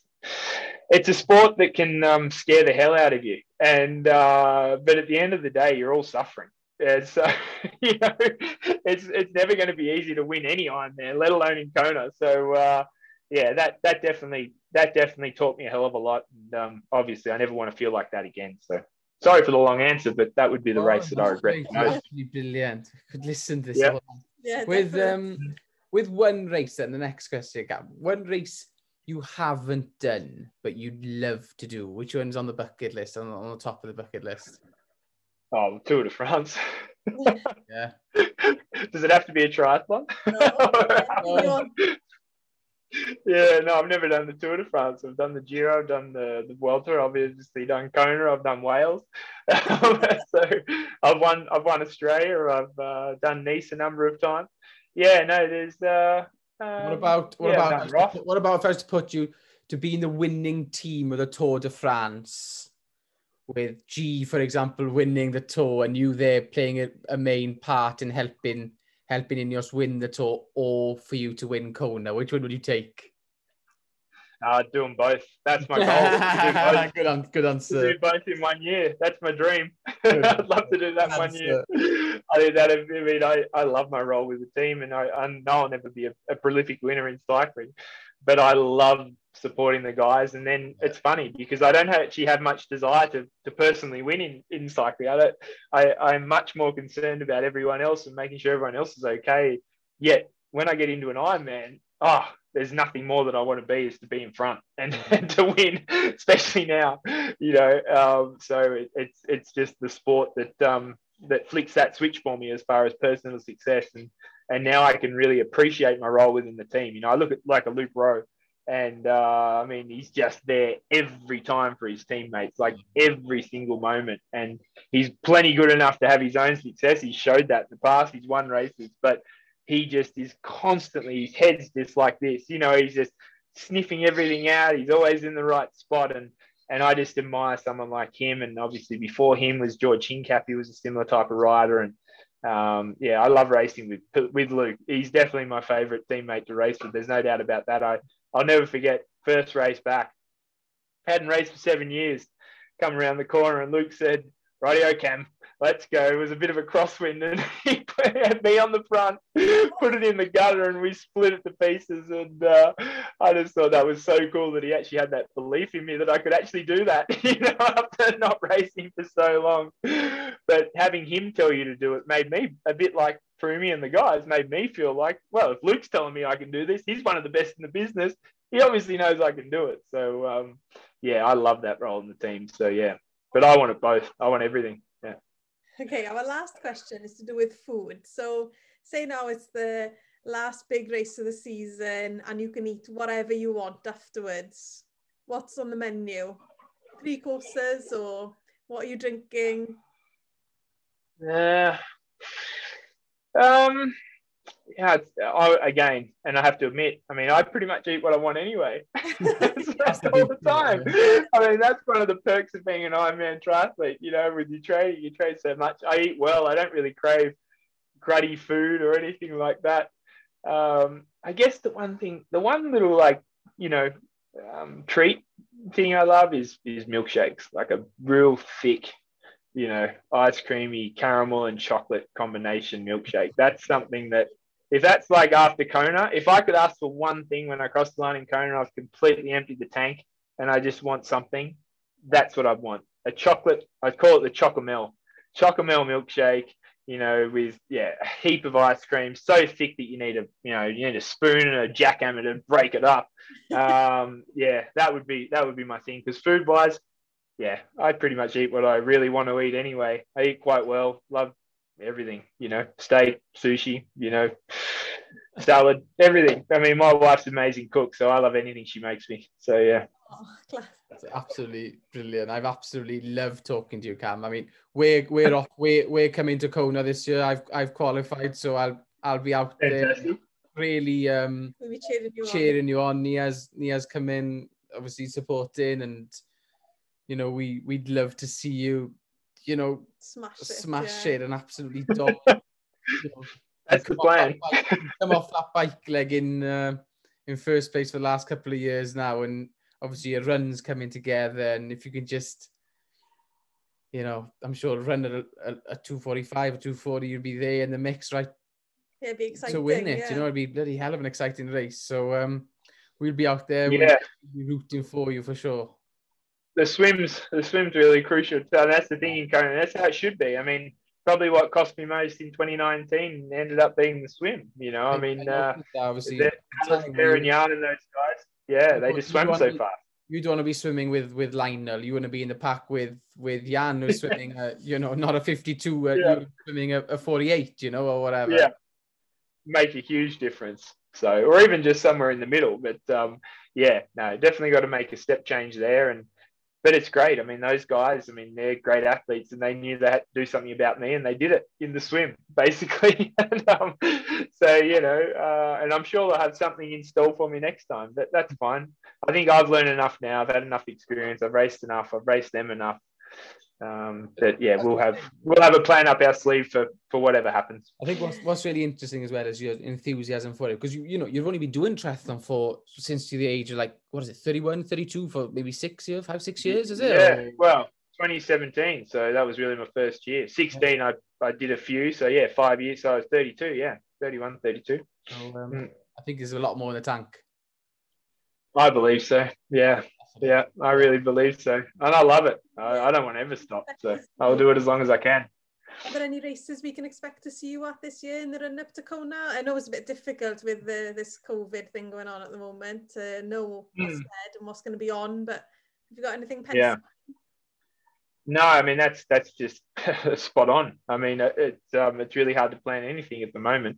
Um, you know, the my wife's American, so I can actually travel to the US. So potentially there's some races there early in the year. Um, Texas, uh, North America Championship, um, which if I'm not racing on the road, for example, if I'm not part of the Giro, at the moment I'm part of the Giro group, so that's the priority. But you know, we've obviously got a very strong team. So if I come out of that um, and I'm free, potentially I could I could go and do that. Um, otherwise, yeah, I'd probably just wait for the, the summer and ideally get to do Nice or, you know, I've, uh, one race I have always wanted to do is Lanzarote. Um, that could be a go ahead because it's a bit more, you know, it's on an island and yeah. maybe they can control things a bit better. But um, yeah, it's just I, don't, I just don't set myself up for anything. I mean, you hear these people they plan all this stuff and then it gets cancelled and it's such a big deal. It's like, well, yeah, As- you, you can't you just can't do that at the moment. I think Kona will happen, and that's why I'm focused on that. You know, I mean, Yeah. America's obviously probably a fair way ahead of everyone in getting stuff, and and Kona wants that event to happen because the tourism they've got to get it back up and running, and I'm sure we'll be there. So that's that's where I'm focused on. That's it. I think, uh, as you said, it just you've got all the facilities there with you, with the pools and the and the Cyclists, cyclists and the you know the Mm. Running tracks, and just back yourself in the, in in the training, and it'll all take care of itself with whatever you get. It's to a sport that exactly. I mean, yeah, okay. I like to race because I like to race so to know where I'm at. But I think I'm kind of past that now. We know where I'm at. You know, and yeah. it's definitely a sport that rewards training. You know, I mean, I Yeah. learned that leading up to Italy. I had a great few months of training and and had a great race. You know, almost like the perfect race to what we wanted. So, um, yeah, I don't. I, I certainly don't feel like I need to race a lot to get ready for Kona anymore. Um, we can we can back ourselves. So I'd be more than happy if I hadn't raced for two years when I rock up to Kona. I, I believe I'd still have a great. I mean, you do a swim bike run day, you're basically doing an Ironman in training every day anyway. So yeah, I actually find it easier when you're racing because everything's there. You know, it's actually harder to get out of the pool and get your gear on and get on the bike and then get home and get changed and get yourself out the door to go for a run. I find going to races easy because it's just all there. You run out of the water, rip off the suit, jump on your bike, come back, get on your shoes, go for a run. You're done. you know, with you obviously you've got a problem with motivation. You don't need the races. You've got the guys, you've got the cyclists, you've got this, you've got them all around you to push you every day. So it's not a problem that you need to be pushed in a race either. So that's to your advantage as well, you know. yep. So um, Yep. No, Oh. I'm. Uh, we'll just see. We'll see how it plays out. But I'd obviously love to race because I love the sport, you know. And um, but uh, but Kona's the biggest thing that gets me out of bed in the morning. That's the main goal. So as long as it it sort of keeps moving towards that, then I'll I'll look at getting on a start line. Otherwise, we'll just um, yeah. See you in Hawaii. Thanks for your time, Cameron. We've really enjoyed having you on. and we'll see Pleasure. you on Kona. So thank you very much. You've been an absolute legend. Bye.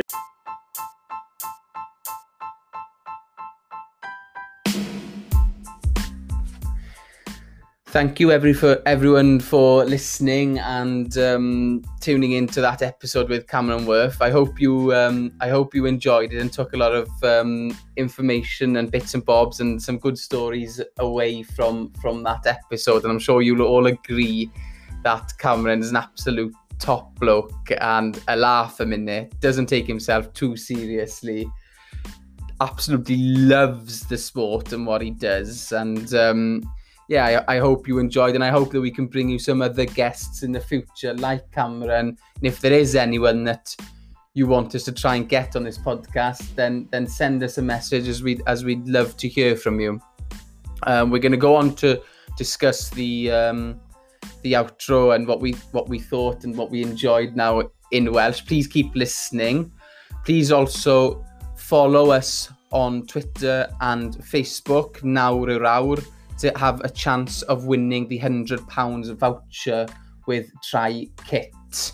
Okay, it's a great opportunity to win a £100 voucher to spend on whatever you want. Um, I've got a lot of Try Kit stuff myself. Geraint is an absolute joy to work with. He sends me a lot of really nice um, we've got jackets and trousers and, and triathlon kit, cycling kit, some lovely baby kit that we've had. so it's really top quality stuff. So yeah, listen, follow our social media for a chance to win um, that great prize. And also remember, if you're ever in the Aberystwyth area and you fancy a bike stop when out on the bike, call by Caffi Griff in Talabont in Aberystwyth, or you know if you're looking to buy a bike then it's worth having a look to see what Griffith's got for you. Yeah, please follow um, Caffi Griff and Griffith Lewis on um, Instagram. Um, they have some great deals, some great kit, great bikes being, adver being advertised on their social media throughout the week, months. It definitely worth a follow. Um, and Griffith really understands his bike and is a and is again is a is a great bloke and um, yeah, so give them a follow. Um, listening again, please continue to listen in in Welsh as you as it, obviously it'll probably help you as it has with others to to keep on top and and, and learning some some new skills. So, beth ych chi'n meddwl o hwnna de, boys? Joies i hwnna, mas draw, David. Beth y ti'n meddwl? Oh, Oedd e'n... To beth, fi'n meddwl, David, mae wedi mynd i o fel ffefret athletes fi yn y byd ar ôl siarad am efo na. Just angredadwy, oedd e. Fi'n gwybod mae lot o pwynt dy ti, ti'n moyn siarad y byty. Ond dim ond un pwynt sydd y fi, really. Y peth, yw ni wedi cymeryd o hwnna yw ffaint mae Cameron yn joio beth mae fe'n neud, a fel wedodd e, fel gallu fe wedi stico i rwyfo. Mm. Fe wedi bod yn rwyfo ers bod yn 13, a gallu fe wedi bod yn llwyddiannus, mwy llwyddiannus, chi'n modd. Gallu fe wedi ennill falle medal yn yr Olympaidd, os bydde wedi cadw ato fe. Ond na bydde fe still yn joio fe, na'r cwestiwn. A mae fe'n meddwl na bydde fe a mae fe'n joio lot mwy nawr codi bob bore, a wneud rhywbeth gwahanol bob dydd. So dwi'n credu bod hwnna'n neges i ni gyd, dim jyst y rhywun sy'n ar safon ucha, ond newch beth ych chi'n joio, os na chi'n joio fe, ffeindiwch rhywbeth sy'n yn. Fe mae hwnna'n pwynt da, bod e ddim, mynd mlaen o bod e ddim yn cymeryd huna'n rhy serius. Mae'n siarad na, bod enillwr ai yma'n Cymru yn troi lan yn tembu, diwrnod cyn y ras, dim seiclo'r cwrs, um, Mae'n ni'n siarad beth ti stori a beth ti'n mynd i'r tŷ bach gyda'r bike leads. Just ffantastig. Wedyn, twod, troi lan mewn bod, shots ddim yn dillad cywir dy ge, a just more relaxed. Y Boi, mor cool, mor laid back. A dde just yn ffantastig i gweld bod e ddim yn cymeryd un anrhysi. Dde sy'n yr ego mowr ma dy ge a just yn dwlu ar beth mae fe'n neud. Ti'n gweud na beth i fe ddim dillad cywir dy fe. Falle fe ddim dillad cywir dy fe cyn y ras. Yeah. Ond fe oedd un o'r unig rai, a dim just proffesiynwyr, ond age groupers hefyd, oedd actually yn gwisgo blinking cot y dwrnod na. Chos fi'n ah. cofio gweld, fi'n cofio sefyll ar top St Brides, a twyd, ar pwynt ma yn y ras, dyle pobl fod yn dwym, achos maen nhw wedi dod lan Wisemans a nawr St Brides, a wedd fi'n gofio gweld y fenyw ma yn lit crynu ar y beic yn dod lan mewn sleeveless traisiw. Does em os ti'n cofio David? Ti'n cofio yn yr um, lead up i Iman Island? A oedd y tywydd, oedd yr ffocws yn awful. A wedys i, oedd grŵp o'n i mynd mas, fe, wedys i o bod fi wedi prynu cot i fynd mm. i wisgo mm. am y beic. A oedd rai o'r dynion yn gweud, o, sy'n eisiau cot yn y ti, ti'n fawr, ras mm. yw e. A wedes i, fi wedi gryndo ar podlais Camran Wef yn mynd i Aiman Cymru, a wedd e'n gweud pa mor bwysig wedd e bod e wedi gwisgo'n deudi. So mm. mae hwnna'n neges i cymeryd fyd. A, a ddoi o'n i'n cot yn Aiman, yn Aiman Coc. A... Diolch beth o'n ni. Ie. Yeah, o'n i still yn benni mewn foil blanket. So top tip dim wrth o fi yn ia, wrth Cameron Worth, os mae'r tywydd mynd i fod yn wael yn Aiman Cymru lenni, os eithaf ymlaen, gobeithio croesi busedd, gwisgwch yn addas. Yeah. So chi moyn fo'n o'r, os mae Cameron Worth mynd i gwisgo cot i seiclo, wel, mae fe werth e, ydy. E? Ie, yeah, ydy, cytuno.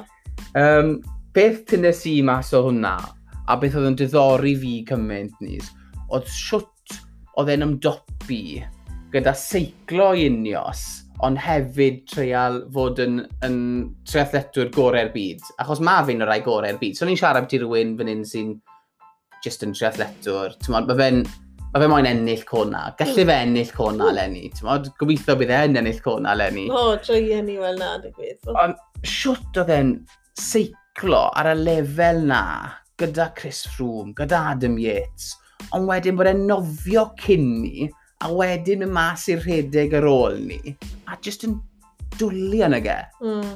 Ti'n modd, a dim just mynd trwy'r motions fel oedd e'n gweud, fel oedd e'n falle neud yn ei ymarfer o blaen, oedd e'n falle defnyddio fe fel excuse, achos bod e wedi bod yn seiclo'n galed, bod ddim eisiau fe fel fe mas i'r rhedeg. Ond oedd e'n gweud, achos bod e'n goffo seiclo gyda, oedd e'n ofyn sydd wedi nofio yn y bore, a oedd e'n siarad beth oedd e'n mas i seiclo gyda Adam Yates Achos oedd Adam Yates, dege, oedd e goffo pwysio i na, neu'r mm. eitha ar y beic, oedd e ffili miso set, ffili miso rep, ffili dalan dôl, neu bydd Adam Yates di mynd. Mm. A yr effaith oedd e'n cael arno fe, ond hefyd yr effaith oedd e'n cael ar, ar, ar gweddill y tîm. O'n i'n mm. ffidio'n mor diddorol, fel pan o'n i'n holi e'n gweud, o, siwrt mae'r tîm yn meddwl, beth o'n nhw'n meddwl o ti. A o'n nhw'n gweud, well, it has a really positive impact on them as well, achos o'n nhw'n gweld fe yn goffa mynd mas am awr o'r yn neu mynd i'r pwll, a nhw'n gweud, well, we'll cycle round with you then. Mm. Or we'll, we'll come and do an extra hour. A o'n i'n ffeindio hwnna'n fascinating. Ti'n bod bod yr athletwyr yma, maen nhw, maen nhw, maen nhw gyd yn nhw'n rwbo off i gili fel, yeah, ti'n modd? Just, so, obviously, ni, i ni gyd yn competitive, neu byddwn ni ddim yn neud beth ni yno. Ni, ar, y, ar y lefel na, maen nhw'n siŵr o fod off the scale oh. competitive. So, os oes un person yn neud 5 awr o fforddi mewn diwrnod, a rhywun arall neu 6 awr o fforddi mewn diwrnod, a mae pob un moyn neu 6 awr o fforddi. A rhywun beth mae hyfforddwyr nhw'n gweud y beth i hwnna. Yeah. Os dyn nhw fod dim ond neud 5 awr a mae fe'n troi mewn i 7 awr neu beth bynnag. Oedd e'n gweid bod, oedd e'n cymeryd y clod, oedd e. Oedd e'n moyn y clod o geiraint yn ennill y tor, achos bod e'n ei mwy o arfer, yn pwysio Geraint i wneud fwy o arfer. So oedd hwnna'n... Oedd hwnna'n... Um, oedd e'n doniol, ynddi? Oedd e'n tipyn o hiro, oedd e. Mm. Y beth arall, fi'n meddwl, mae pobl yn mynd yn obsessed â fyd, a cymeryd sy'n mas o hwnna, oedd, o, mae rhaid mynd i Lanzarote i ymarfer, neu mae rhaid mynd i Cona i ymarfer, neu mae rhaid bod fan mm. hyn, neu mae rhaid bod fan hynna Oedd e... Oedd e... e- fi di bod fel a bach, ti'n mae rhaid bod fel a... Ond oedd e'n... Beth oedd e'n gweud? Bod popeth dage getre mm. sydd eisiau nege. Ti'n meddwl, bod e'n lle marfer getre, bod dage'r tîm round e, bod dage'r facilities a cyfleusterau fyna i ymarfer. Um, bod y bwyd dygau e sydd eisiau nage, bod i deulu dygau. E. So, oedd y popeth dage fel yn ei bybl bach e, gallu cael y gorau mas yn nage, a ddim goffa mynd a meddwl, ww, oce, okay, ai i Cona neu ai i Dubai le, falle so fe'n nabod y lleoliad mor dda, so mae fe'n mynd i ymharu ar ei ymarfer, mm. a mae fe'n mynd i cymeryd falle wythnos i gael ffindio rwt nhw i, dod yn gyfarwydd gyda'r swimming pool, beth mae fe'n mynd i bita, ac yn y blaen. So, o'n i'n gweld hwnna'n pwynt diddorol dy ge, ti'n modd? Dwi'n credu na pam i ni wedi bod yn mewn i'r habit o mynd nôl i Mallorca i'r mm. ffordd i bob tro, achos ni yn nabod e nawr. A mae fe yn, mae'n well i'r ffordd i Mallorca na, na yng Nghymru, oherwydd bod y gyrwyr ar y rhewl y mwy um, ymwybodol o cyclists, mae'r pwll yn well mm. a So, pethau fel an, dy fe, ond na pan ni'n mynd nôl i'r un lle bob blwyddyn yw achos nawr ni'n gwybod ble i fynd. Ie, yeah, so lle gewn ni gobeithio, gewn ni training camp ni i fynd ymlaen blwyddyn nesaf ni gyda'r gyda pethau, pethau yn gwella, gallwn ni mynd nôl a cael rhi ar good training camp mas na, gobeithio ni croesi fusedd.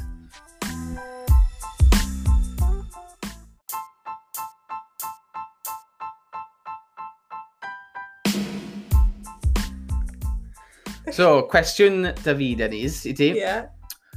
A deitha e ben ennill cod na lenni? O, Mae'n anodd ydy e, achos mae'r nofio yn broblem ydy e. Os gallu ddod o mas o'r nofio up there, yn y grŵp, wel, falle ddim y grŵp cyntaf ond agos i ffrynt yr ail grŵp, a redeg yn deudi, fi'n mae chance dy fe. Ond yn cona, so ti'n gwybod beth gallu digwydd, achos mae Wel... Fi'n meddwl am, y- am y dro gyntaf fyd, bod e'n credu yn ei hunan bod e'n mynd i gallu ennill e. Mm. Oedd e'n mynd ôl o siarad beth i profiad na gath e gyda Patrick Lang a'r roedd e gormod o parch i Patrick Lang a gweddill um, y ffield e, bod, bod e'n yn gwybod bod nhw gyd wedi paso fe. Fi'n meddwl tro ma, gyda faint mae wedi gweithio ar ei redeg, bod e'n gwybod bod ei redeg wedi gwella. Mae fe gallu redeg 245 fe mae wedi gwneud yn yr eidl. Um, os lle fe redeg 245 eto, a cael 5 minutes o gap yn dod off y beic. Ni'n gwybod bod eich seiclo. Wff. Heb fod yn rhy tactegol a negyddol am beth cona, yr anfantais sydd da fe yw bod pobl yn gallu seiclo tu nôlau e, neu ddim yn mm. bell tu e, yn defnyddio llai o egni hmm. oherwydd y fath o cwrs yw e, oherwydd bod yn cwrs fflat Ond hefyd, fel gwelwn ni Patrick Lang un blwyddyn dy fe, yn defnyddio rhywun yn yr un tîm y fe, neu yr un gwlad y fe. Tyd, a fe ti fod cael tow rownd... Andy Drights, dy fe. Do, mae ddau nhw'n Erdinger, no? Andy Drights, a jyst rhywyr un gwlad a helpu gilydd. Ie, yeah, helpu nhw'n gilydd, ti'n modd, a wedyn mae'r ma redwyr gorau wedyn yn mwy ffres yn dod bant o'r beic os byddai Cona neu'r World Championships yn symud i'r lefel Cymru, neu Lanzarote, neu rhywle lle mae rhaid ti actually reido um, yn galed. Alla bydde fe'n gwahanol stori, ond o, oh, Chris, bydde fe'n bydde fe'n arbennig i weld Cameron yn, yn ennill neu jyst ar y podiwm, really. Yn ffili credu bod rhywun fel fe wedi wedi dod mlaen, bod wedi folon siarad ni. Bydde wedi siarad ni trwy'r nos. Bydde? Oedd e'n oedd stori ar ôl stori, oedd e'n dwl, just dwlu ar y storis oedd e'n siarad yn ni, a'i brofiadau a fi'n meddwl os deithau nôl i Gymru, mae fe'n cymeryd, y, mae fe moyn y clod bod, bod Geraint wedi en, bod e wedi cael effaith mawr ar Geraint yn ennill um, y tor. Y tor. So, felly dyled fi a ti cael y clod os deith deithau ôl i Gymru, achos y ffordd oedd e'n dechrau siarad a meddwl beth i Cymru, oedd e'n lot o atgofion dan o nôl iddo fe. Siarad ti'r crowd a siarad ti'r cwrs a siarad ti'n mynd i'r toilet, a wedi mynd nôl i cael curry a'r Welsh cakes a'r te, so fi'n meddwl falle, oedd y sgriws yn dechrau fynd ag e, mm. wedyn mynd yn ôl i Gymru rhyw flwyddyn, a fi'n siŵr byddech chi gyd yn roed, oh, bydde fe'n cael... Cefnogaeth. Cefnogaeth. Rhyfeddus, dydde fe'n ôl. Dwi'n credu, dyd, fi mo, ni'n siarad fan hyn, fe fe yw un o'r traethetwyr gorau o ran um, i, i amser e a, a, yeah. a beth mae fe'n gallu neud. A fi'n credu bod rhaid ni gytuno bod e yn. Definitely. A dwi hefyd yn meddwl mae fe un o'r traethletwyr mwy o hoffus yeah. hefyd. Bydde ti'n gytuno? Oh, definitely. Na pam, dwi'n dwlu ar y boi. Fe mor... Mae mor laid back, mae amser dy fe i ni, so fe sy'n ego dy ge o gwbl. Um, a, ie, yeah, absolute boi mor ffein, ti'n modd, a, ie. Yeah. A boi fysi, ti'n modd, mae'r ma rest o'r traethletwyr proffesiynol yma, sy'n rasist dyn nhw, sy'n fyd yn nhw'n neud. Ond mae fe yn seiclo i tîm unios nawr hefyd. Mae rasis ah. nhw still yn mynd mlaen, a mae still amser gyda fe i ddod ar y podlais yma. Fi eisiau meddwl bod yn arbennig. Arbennig, a twad, mae fe moyn seiclo, mae fe moyn bod yn... y... Twad, dream big yn mynd y gweud, mae fe moyn seiclo yn y tor. Mm. Fe moyn ennill cwna os ydych chi ar strafa, mae werth dilyn Cameron Wyff ar strafa, achos mae fe'n rhoi treino fe gyd lan. So, ots dy fe, so fe'n cadw dy byd yn secret. So, um, Hwna'n refreshing i weld fyd. Ond ie, ni mor ddiolchgar iddo. Um, ni'n ddiolchgar i'r sponsors, Caffi Griff. Diolchgar i Geraint o Trai Kit. Dilynwch Trai Kit ar um, Facebook, ar Instagram, ar Twitter. Um, dilynwch nawr yr awr os nad ych chi'n barod i cael weld siwt i ennill y voucher o canpint i hala ar ar ei ddillad sydd um, mynd i fod land yn ei cyn hir. Ti da cwpl o bits wrth hwnnw, wyt ti? Ti'n really hapus gyda'r ma... um, safon y dillad? Mae safon yna, mae'r safon yna arbennig. Mae da fi mm. cwpl o lyflu tops, Os. um, t-shirt, cap, os, real safon, real, real dda. So byddwn ni yn... Mm awgrymion, awgrymion yna. Os nad ych chi'n ennill y fawtio, ewch ar ei wefan a prynwch cwpl o stwff. Mae cod da fi i chi defnyddio. Bydd hwnna ar, um, ar y social media hefyd i chi cael gweld. DC Trai yw e. So DCTRI. Um, so, gewch chi ostyngiad yna, prynwch bach o'r kit, byddwch chi ddim yn, byddwch chi ddim yn cael eich siomi. Diolch yn fawr i chi gyd am cefnogi ni, yn enwedig yn yr episod Saesneg yma. Fi'n gwybod um, podlais Cymraeg i ni, a na beth ni moyn cadw i wneud, ond um, chi'n gwybod, pan ma'n ni'n cael cyfle i siarad gyda rhywun fel Cameron Wyff, fi'n ni ffili troi'r cyfle na lawr, so diolch yn fawr i chi am cefnogi ni, dim jyst ar yr penodau mawr yma, ond ar pob penod yn ni'n rhoi mas. Diolch yn fawr.